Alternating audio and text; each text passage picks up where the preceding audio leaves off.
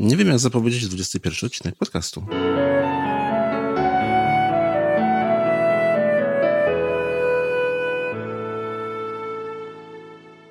Witamy w 21 odcinku. Co się czyta? Joanna Furdal i Krystian Zych. Dzisiejszy odcinek będzie może trochę inny od pozostałych.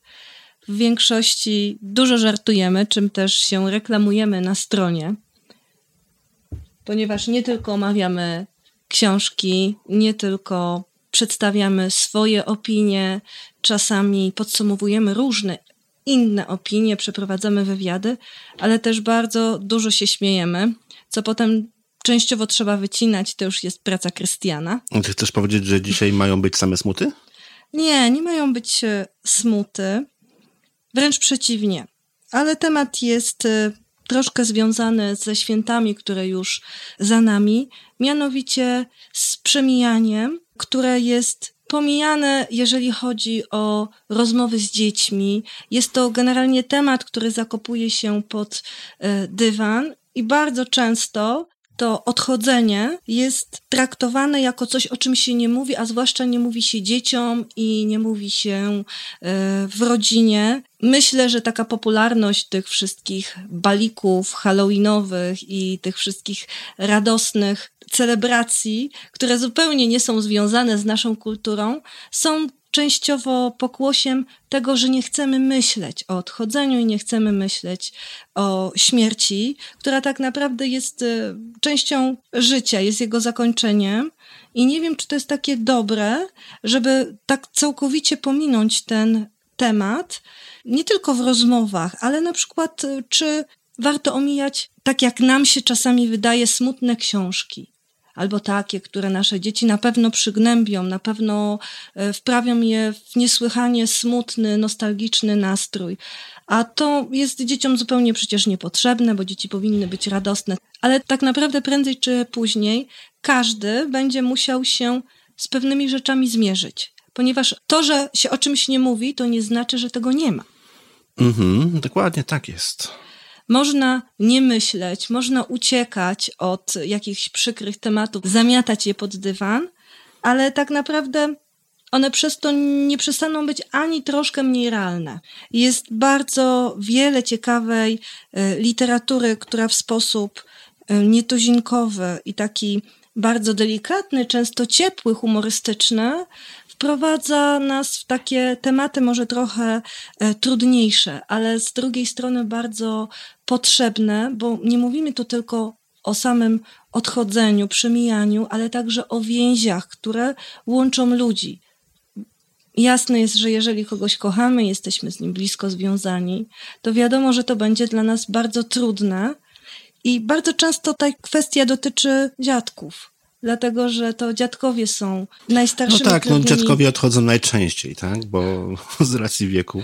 Wiem, że jest też taka praktyka, gdzie często mówi się dzieciom, że dziadkowie wyjechali, czy dziadek, czy babcia wyjechali. Mój dziadek na przykład wyjechał. Co ciekawe, zabrano mnie na pogrzeb dziadka, mhm. ale cały czas mi wmawiano, że on wyjechał. Mhm. Co, co pamiętam do tej pory, chociaż byłam bardzo mała. Uważam, że nawet o trudnych rzeczach powinno się mówić dzieciom i traktować ich traktować te dzieci poważnie. Mamy dzisiaj przerwę ci, mamy dzisiaj mnóstwo książek, więc może zajmiemy się nimi już po kolei, bo tych książek jest tutaj góra. Góra, widzę dziesięć przynajmniej. Omawiamy No dobra, sześć. są podwójne, więc omawiamy sześć. omawiamy sześć, o jednej będziemy wspominać z prostej przyczyny. Miałam ją bardzo krótko w ręce, nie mogłam się z nią e, dostatecznie e, zapoznać, żeby czuć się kompetentna, by ją w jakiś sposób omówić. Zaczynamy od, od pytania, czy umiesz gwizdać, Janno? A ja odpowiadam, nie potrafię. Nie potrafię gwizdać, nigdy nie umiałam. Czasami próbowałam, mogę nawet ci zademonstrować, jak nie umiem. No to prawie nie umiesz, jak ja nie umiem. Ta, aha, no widzisz, to, to, to jestem dobra w kiepskim no, Jesteś dobra w nieumieniu. Tak, Jesteśmy razem dobrzy w nieumieniu. Mi wychodzi podobnie.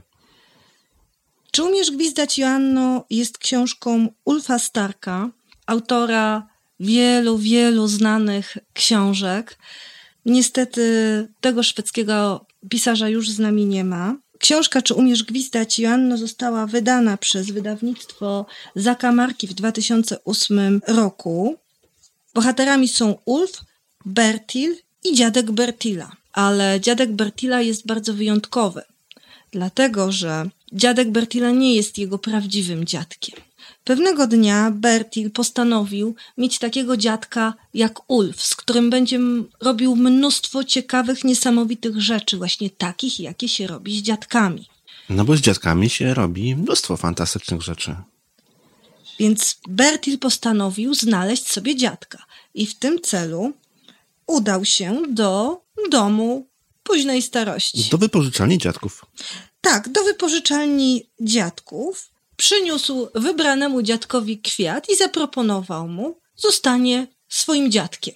Przeczytam fragment pokazujący, z jakim przyjęciem spotkał się chłopiec. Popijaliśmy kawę i chrupaliśmy ciasteczka, którymi nas poczęstował, a ja opowiedziałem o moim dziadku i jego urodzinach. Nagle staruszek podniósł Bertila i postawił go na stole. Zastukał łyżeczką w filiżankę, aż zrobiło się zupełnie cicho. To jest mój wnuczek, oznajmił z dumą. Ma na imię Bertil i dał mi dzisiaj nagietka. Bertil zrobił się czerwony jak serwetka. A kiedy zgramolił się ze stołu, podeszła do niego staruszka, która miała na imię Tora, żeby mu się dokładnie przyjrzeć. O jacy wy jesteście do siebie podobni, Nilsie, powiedziała. I tak oto Bertil zdobył dziadka, który w dodatku był do niego bardzo, bardzo podobny. I z tym dziadkiem robił mnóstwo niesamowitych rzeczy. Między innymi wybrał się pewnego razu nawet kraść czereśnie. Mm, nie wiedziałem, że z dziadkami chodzi się na czereśnie. Z tym dziadkiem się chodzi. Ten starszy pan miał kiedyś żonę i miał ukochane pamiątki, chustkę w róże, ale okazało się, że Bertil jest tak ważny dla niego, że właśnie z tej chustki zrobił dla Bertila latawiec. Z kolei Bertil postanowił się nauczyć gwizdać ulubioną piosenkę, która cały czas się kojarzyła starszemu panu z nieżyjącą już żoną. Właśnie, czy umiesz gwizdać Joanno? To jest taki motyw znany muzyczny. Niestety, kiedy chłopiec już się nauczył gwizdać, starszy pan nie mógł już tego usłyszeć, ale ta melodia była swoistym takim pożegnaniem też z tym e, panem, który naprawdę był dla Bertila dziadkiem. To były niesamowite, ważne, cenne chwile. Z jednej strony samotny starszy pan, który zyskał nagle wnuka, który mu przyniósł nagietka i w dodatku był bardzo do niego podobny. A z drugiej strony chłopiec, który nigdy nie miał dziadka, wreszcie mógł poczuć, jak to jest mhm. mieć Chociaż dziadka. już za jakiś czas mieć prawdziwego dziadka. Dokładnie. Książki, które omawiamy, są zdecydowanie książkami przeznaczonymi dla starszych dzieci. Powiedziałabym, że nawet w większości powyżej dziewiątego roku życia. Wprawdzie są to książki ilustrowane, tak jak w przypadku Czy umiesz gwizdać Joanno, i książki bardzo piękne, może nawet nie zawierają aż tak dużej ilości treści, ale ze względu właśnie na tą tematykę e, i taką no i też język, który jest język, używany, który tak? Jest to nie jest używany, zdecydowanie tak, język zdecydowanie... dla maluszków, to jest język właśnie już dla starszych dzieci, takich, Tak. które już samodzielnie czytają.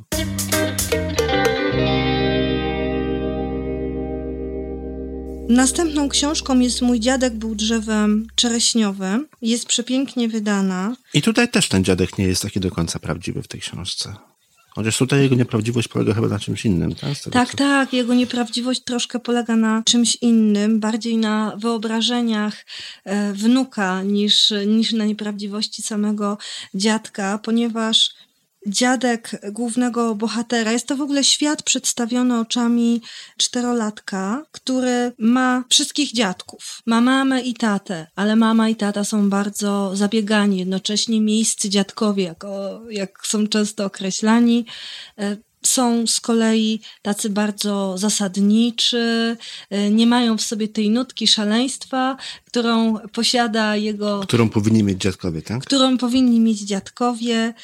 Wiejski domek, ten świat właśnie, który stworzył dziadek Oktawian i babcia Teodora jest światem niezwykłym, w którym też są i zwierzęta, i ta wieś, która tak cieszy dzieci, te wszystkie szaleństwa, kąpiele w strumyku, ale w pewnym momencie okazuje się, że dziadek zaczyna chorować. To wszystko, co się podobało chłopcu w jego szalonym dziadku, który zresztą zaczął chorować już po śmierci swojej żony, te właśnie jego niecodzienne y, zachowania, te, te jego szaleństwa, okazują się być coraz y, już mniej zabawne, bo tak naprawdę, czego nie rozumie do końca chłopiec, są początkiem choroby.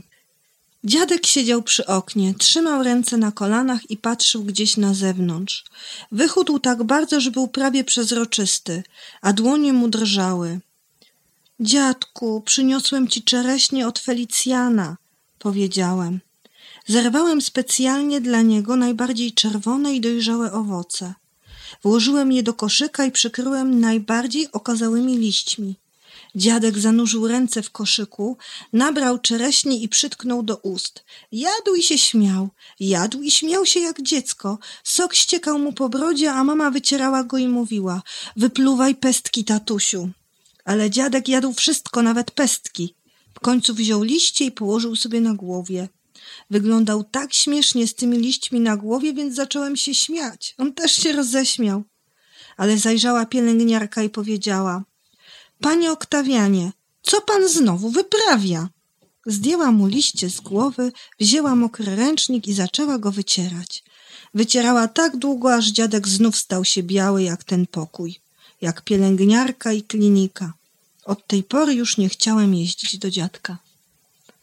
Jest to świat przedstawiony oczami dziecka i chłopiec wcale nie postrzega tego w ten sposób, jak e, tej sytuacji, jak postrzegają ją dorośli. Dla niego jego dziadek nadal jest jego ukochanym dziadkiem. I cała ta historia rzeczywiście jest historią dość e, poważną, zdecydowanie też dla wieku powyżej 9 lat. Tak, mimo że bohaterem jest czterolatek, to też jest to dla starszych. Tak, jest to, jest to historia dla starszych, ale jednocześnie jest też ciepła, pełna swoistego humoru, jednak jest to humor, który też będzie zrozumiany zdecydowanie przez dzieci w wieku szkolnym. No i może tyle na temat tej książki. Teraz e, króciutko powiem o tej, którą tak właściwie pomijamy. Maciuś i Dziadek, książka napisana przez Roberto Piuminiego. Jest to książka wydana przez wydawnictwo Bona w 2013 roku. Tyle mogę o niej powiedzieć. Jedynie co to czytałam właśnie recenzję na temat tej książki i wydaje się być właśnie tematyką nieco zbliżona do Mój dziadek był drzewem czereśniowym, ale myślę, że trzeba się po prostu samemu przekonać. To zostawimy w takim razie tą lekturę naszym słuchaczom. Tak. I liczymy, że zobaczymy recenzję na przykład w komentarzach pod postem. Kolejna pozycja to Wdzięczny Kwiat autorki węgierskiej. Staram się. Sarlotta Szulwowski. Szuliowski chyba, nie wiem, trudno powiedzieć. Bardzo naprawdę. trudne nie jestem jest to dla naszego aparatu mowy. Jest to książka, która jest poświęcona pamięci prababci autorki i otrzymała pierwszą nagrodę w międzynarodowym konkursie pisarzy i ilustratorek książek dla dzieci w 2008 roku. Ilustrację również wykonała ta sama autorka, już nie będę wypowiadała tego nazwiska, przepraszam, ale Książka jest opatrzona niewielką ilością tekstu, za to przepiękne są ilustracje, takie poetyckie, dosyć y, nietuzinkowe. Babcia Kato pewnego dnia znajduje w swoim ogrodzie kwiat, tylko że ten kwiat według babci Kato jest niezwykły.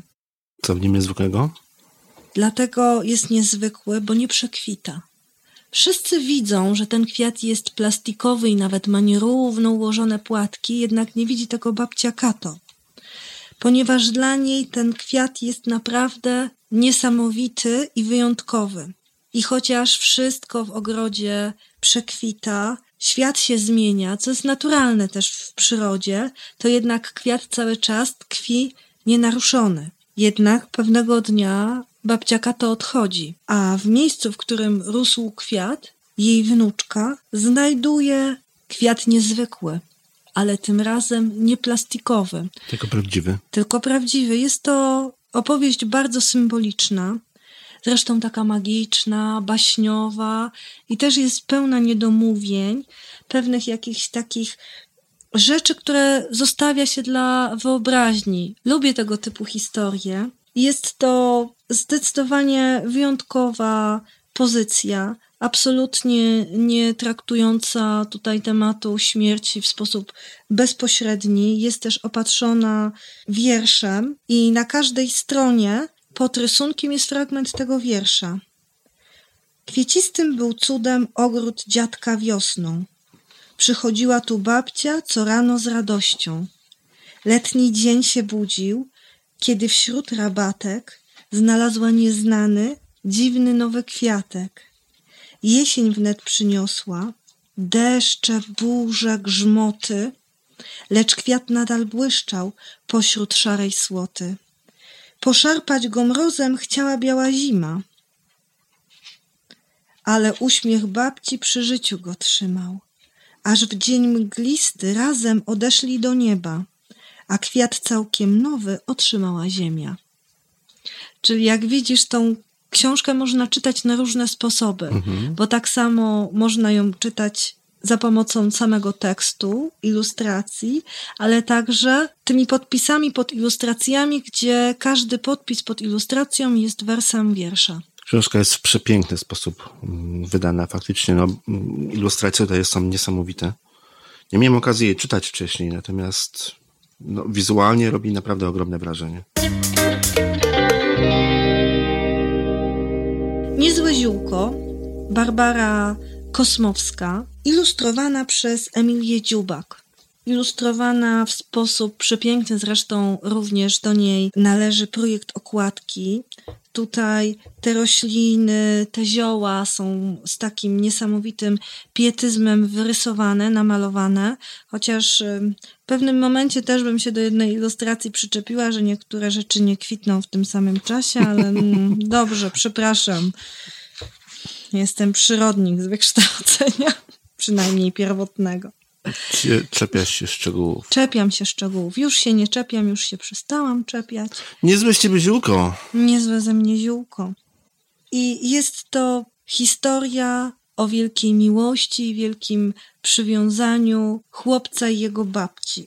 I tutaj Eryk jest chłopcem raczej nieśmiałym, niepewnym siebie, który nie potrafi nawiązywać znajomości, a jego babcia malutka jest po prostu osobą przebojową, która zawsze szła przez życie po prostu z kopyta. I Erek niesamowicie cieszy się na myśl, że będzie mógł zamieszkać ze swoją babcią, która jest jednocześnie jego najlepszym przyjacielem. Ale, jak się okazuje, nie jest to taka wesoła wiadomość, dlatego że babcia jest chora i nie może już e, mieszkać sama, musi mieszkać ze swoją rodziną, która powinna teraz o nią dbać, ale Erek i tak się cieszy z tych właśnie chwil, które cały czas spędza ze swoją babcią, która go inspiruje, która jest też dla niego natchnieniem, zaraża go swoją pasją y, związaną z roślinami i sprawia, że chłopiec zaczyna się otwierać na ludzi, zaczyna szukać jakichś swoich nowych dróg, między innymi angażuje się na przykład w pomoc zwierzętom. I dzięki temu czasowi, który spędził z babcią, Eryk zaczyna się zmieniać. Jest to dla niego bardzo cenne, ale czas jest nieuchronny i na pewne rzeczy nawet najbardziej przebojowa babcia nie umie e, poradzić. I babcia odchodzi ale nie odchodzi z serca chłopca i nie odchodzi z jego wyobrażeń. I tak naprawdę chłopiec cały czas czuje, że jego babcia jest przy nim, niezależnie od wszystkiego. Nie przejmuj się, babcia machnęła ręką. W moim wieku brak pamięci to cudowna zaleta. Już nie pamiętam złych słów ani uczynków, nie liczę sobie lat, a co najważniejsze, codziennie uczę się życia od nowa. Dzisiaj też się czegoś nauczyłaś? Eryk badawczo spojrzał na babcię. Oczywiście, prychnęła obrażona. Siedem razy osiem to pięćdziesiąt i trochę. Zaśmiała się, a po chwili bezszelestnie przeniknęła przez szybę okna. Eryk dopiero teraz zauważył, że motocykl zaparkowała na szkolnym parapecie. I właśnie to jest taki fragment, który świadczy o tym, że tak naprawdę ta babcia cały czas w jakiś sposób chłopcu towarzyszy. Może już nie może mu towarzyszyć fizycznie, ale ten czas, jaki mu poświęciła, te wszystkie uczucia, zaprocentowały i tak naprawdę ona cały czas jest w jego sercu i w jego myślach. Uważam, że jest to piękna książka o tworzeniu więzi, o sile tych więzi. Przejdźmy do jednej z moich ulubionych książek, ulubionych książek mojego dzieciństwa, które było już dawno temu. No Mianowicie Bracia Lwie Serce. Nie dodawaj sobie brat.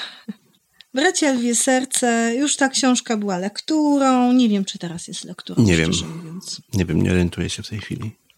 Lektury się zmieniają co chwilę i, i nie jestem na bieżąco. Napisała ją Astrid Lindgren. I nie wiem, czy jest to książka znana, bo mam wrażenie, że jeżeli chodzi o e, książki Astrid Lindgren, to tak jak mówiłeś, głównie dzieci tak, z dzieci z i potem długo, długo nic. Pipi ewentualnie jeszcze, tak, jeszcze Pipi. Natomiast Bracia Lwie Serce to chyba bardziej znany jest tytuł filmu niż książki. Możliwe. Możliwe, nie, nie wiedziałam nawet, że jest film, taka jestem zacofana. No ja wiem, że był, był taki, ale nie oglądałem go, ale wiem, że był taki i wiele razy spotkałem się właśnie z tytułem Bracia Lwie Serce jako z tytułem filmu, a nie z tytułem książki. Pierwszy raz ta książka została wydana w 1973 roku. W tym momencie na Astrid Lindgren padły wszystkie gromy, oskarżenia rodziców o podejmowanie tematyki śmierci, o wręcz zachęcanie dzieci do prób samobójczych ta książka spotkała się z ogromnym protestem i sprzeciwem. No tak, tylko pytanie, czy słusznym? Moim zdaniem niesłusznym, ale pamiętaj też, że teraz jest nam to trudno przełknąć. A 73 rok i nagle dzieci chowane na Disneyu dostają książkę dla dzieci no tak, o śmierci. No tak, to, to, to mógł być trudny faktycznie temat i to mogło budzić tego typu reakcje. Która zresztą nie jest dla mnie książką o śmierci, tylko o miłości braterskiej, która jest w stanie przezwyciężyć wszystko. Nawet właśnie śmierć. I młodszy brat, zwany Sucharkiem, jest chory. Osobą, która mówi mu o tym, że umrze jest jego starszy brat który traktuje go poważnie. Jednak okazuje się, że to nie chłopiec pierwszy odchodzi, ale jego brat y, Jonatan, który ratuje go z pożaru. Po prostu jest to bezinteresowny e, akt poświęcenia się dla swojego młodszego braciszka i trafia do krainy, którą opisywał swojemu kalekiemu bratu, do krainy, która miała być krainą szczęśliwości.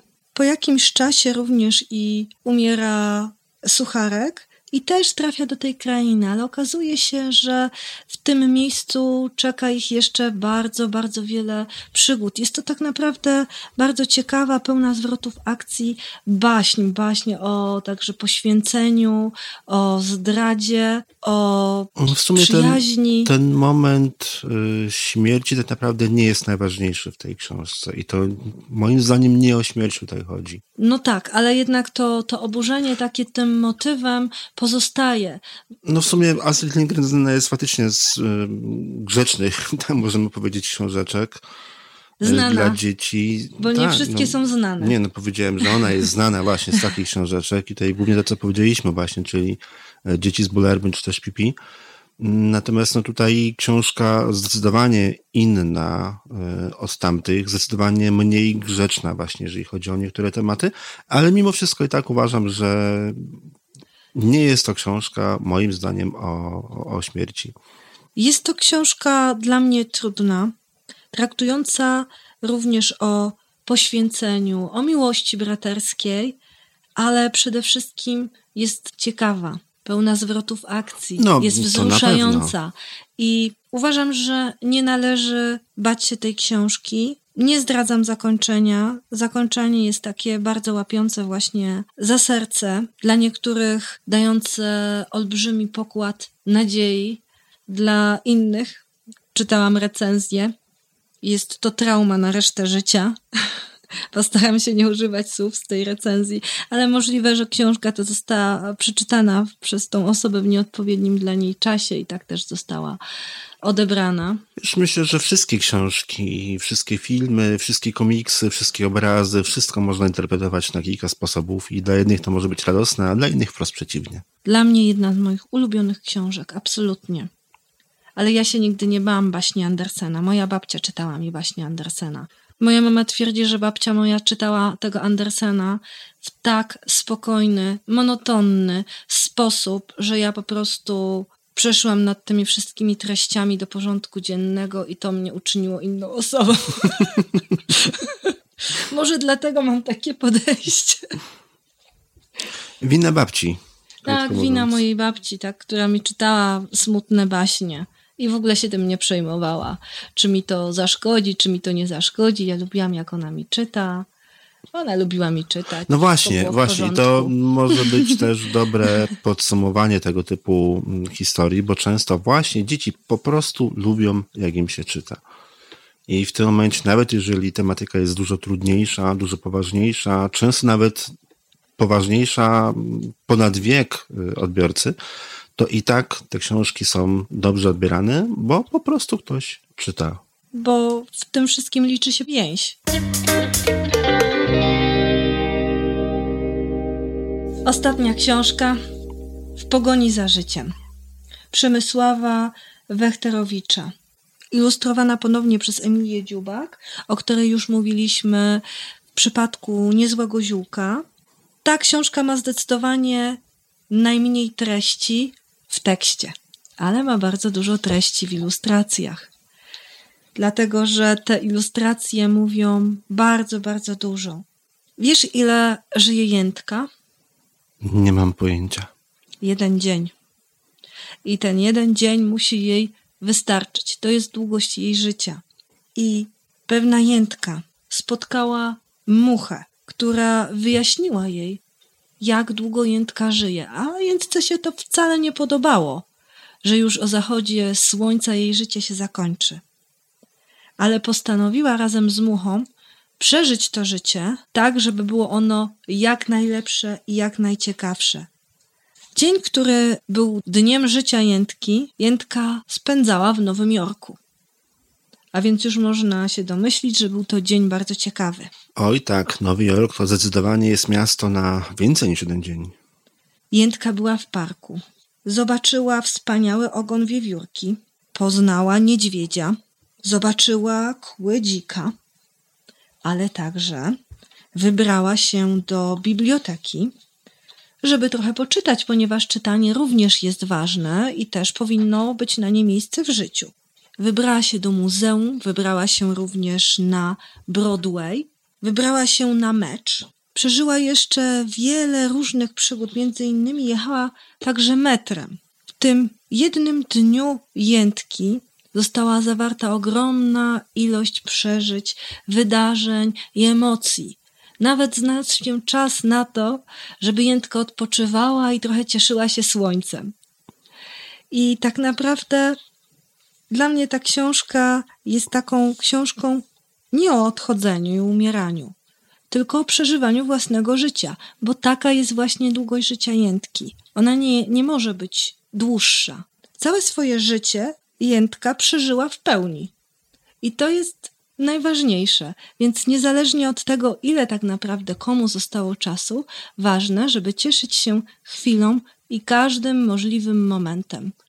Jędka również czytała, mimo że tego czasu nie było dużo. Także niezależnie kto komu powie, czy nie ma czasu na czytanie, Jędka znalazła.